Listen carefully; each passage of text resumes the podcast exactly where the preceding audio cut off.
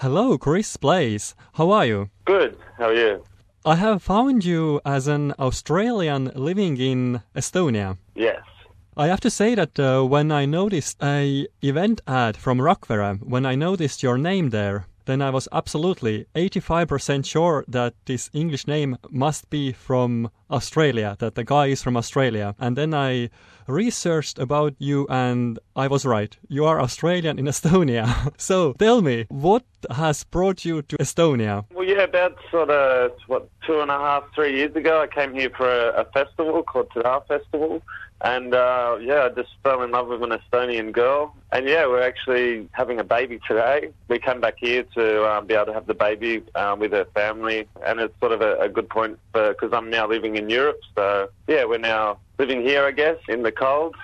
Huge congratulations for your upcoming fatherhood. Thank you. That's exciting news and unexpected news, I guess, as well for the radio listener. And I hope everything goes well today. Do you know, is it going to be boy or girl? Uh, boy, little boy. boy. Congratulations. Yeah, thank you. Why I was actually calling you because you have this interesting occupation or something that you do. You are playing with fire. Yeah, playing with fire. I've been been doing it for about eight years now. Yeah, started all up in Australia in Burleigh Heads and yeah, about three years ago, started traveling the world with it. What captivated you about fire? Why did you choose that sort of genre, let's say? Well, basically, I mean, fire is quite mesmerizing, as everyone probably knows. But um, mainly this one staff, one uh, prop or bit of equipment that uh, that I found uh, called a dragon staff. The minute I saw someone actually use one of these things, I was immediately hooked and uh, started talking with them all and uh, ended up learning off some of the world's best. And yeah, then I got into other different things like fire eating and uh, doing all tricks off my mouth and off my hands and and a few other different explosive type props and yeah, just to be able to create a full show out of it. How old were you when you first had your contact with, let's say, fire in sense of learning or performing? I kind of picked up like a, a normal little staff when I was about 22. I'm, I'm 35 now. But I didn't really start taking it serious until about eight years ago when, when I did find this dragon staff. I started, uh, I gave up my, basically gave up my job around four years ago where I found uh, street performing and uh, yeah, big festivals like electronic festivals, and all that type of thing. And three years ago, you were invited to Estonia within the Tada Street Performance Festival. Yes, yeah, and uh, yeah, my soon-to-be wife on the weekend, yeah, she was performing there too. She um, she does like aerials and acrobatics and stuff. So she was performing, and um, yeah, we met there, and love sort of struck, I guess. Before you were invited to Estonia, did you know anything about Estonia or what were your knowledge about that small country? Actually, I, I met the organizer in Poland the year before, and he's like, "Yeah, come to my festival in Estonia." And I'm like, "Okay, where's Estonia?" I didn't, I didn't sort of even know where it was. I had to have a look on the map, and so basically, I knew nothing, knew nothing about the place before I got here, and actually, yeah, I kind of fell in love with the place, or with the people as well. When you performed there, what did you see? How was Estonia? At the start, like when I first met the Estonians, they they, they seemed quite, uh, I guess, shut off. And coming from Australia, you walk down the street and you sort of, hey mate, how you going? Hello, how are you? And everyone's sort of, yeah, hey, how, how are you? You do that in Estonia, and uh, they sort of look at you weird, like, why are you talking to me? So I was like, oh, maybe it's like they're not the nicest sort of people, but then when I actually got to know a few of them and that, they're actually extremely good people, extremely nice. You just got to break this, break the ice with them, break a barrier with them, and uh, yeah, they're actually very humble people, very nice people. Yeah. What did you see within the fire twirling scene in Estonia? What were your impressions about that?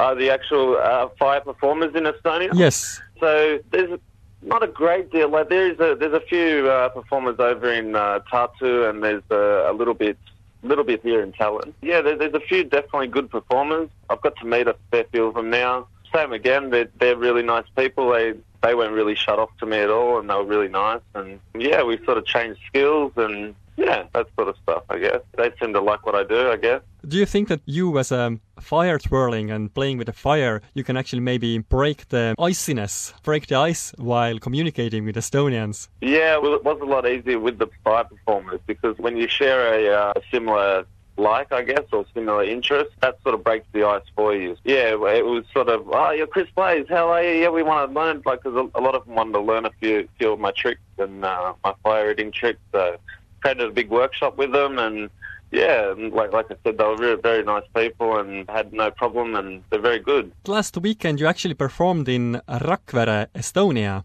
Yes.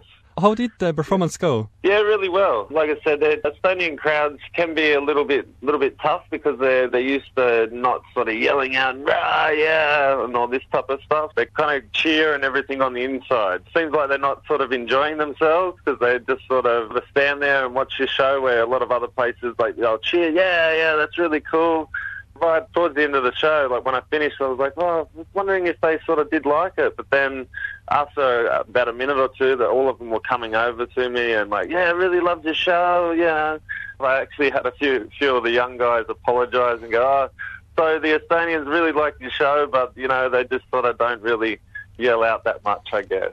As a performer, which way do you enjoy better? Do you like when the crowds are cheering you and appreciating you straight away, or after the show? As a performer, I, I do like it throughout the show because you, you feed off the, the crowd's energy. So the more energy that they're giving you, the better you, you, you sort of put on a show. You know, like think of yourself upstage and everyone's really, really quiet and you, you're trying to get a cheer out of them and, and they're not really doing much, it makes you feel like you, you're not really putting on a, a good show. So makes it really hard to put on a show this way. But um, yeah, you do have a little bit of drama when they're not uh, interactive with you because I, I do try and create a, an interactive show, not just go out and do a fire show to people. Like I, I try and uh, get close to them, talk with them, and and all that kind of thing. So you you got to approach it in a different way with Estonians, I guess.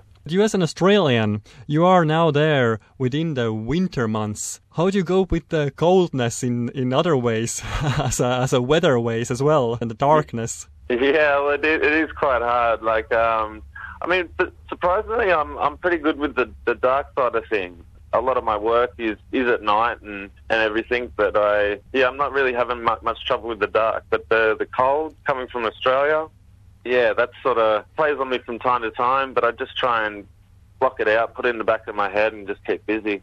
Now, as you're becoming um, father and you have Estonian uh, girlfriend, how do you see yourself as in this um, mixed national family and global world, let's say? A couple of years ago, when I first started out, um, I did find it very difficult. It wasn't just; it was from the like the support of my mother and and, and some of my family, which uh, helped me to push through the, the the first year, which was very hard. But now, to be honest with you, I, I've come to love Europe.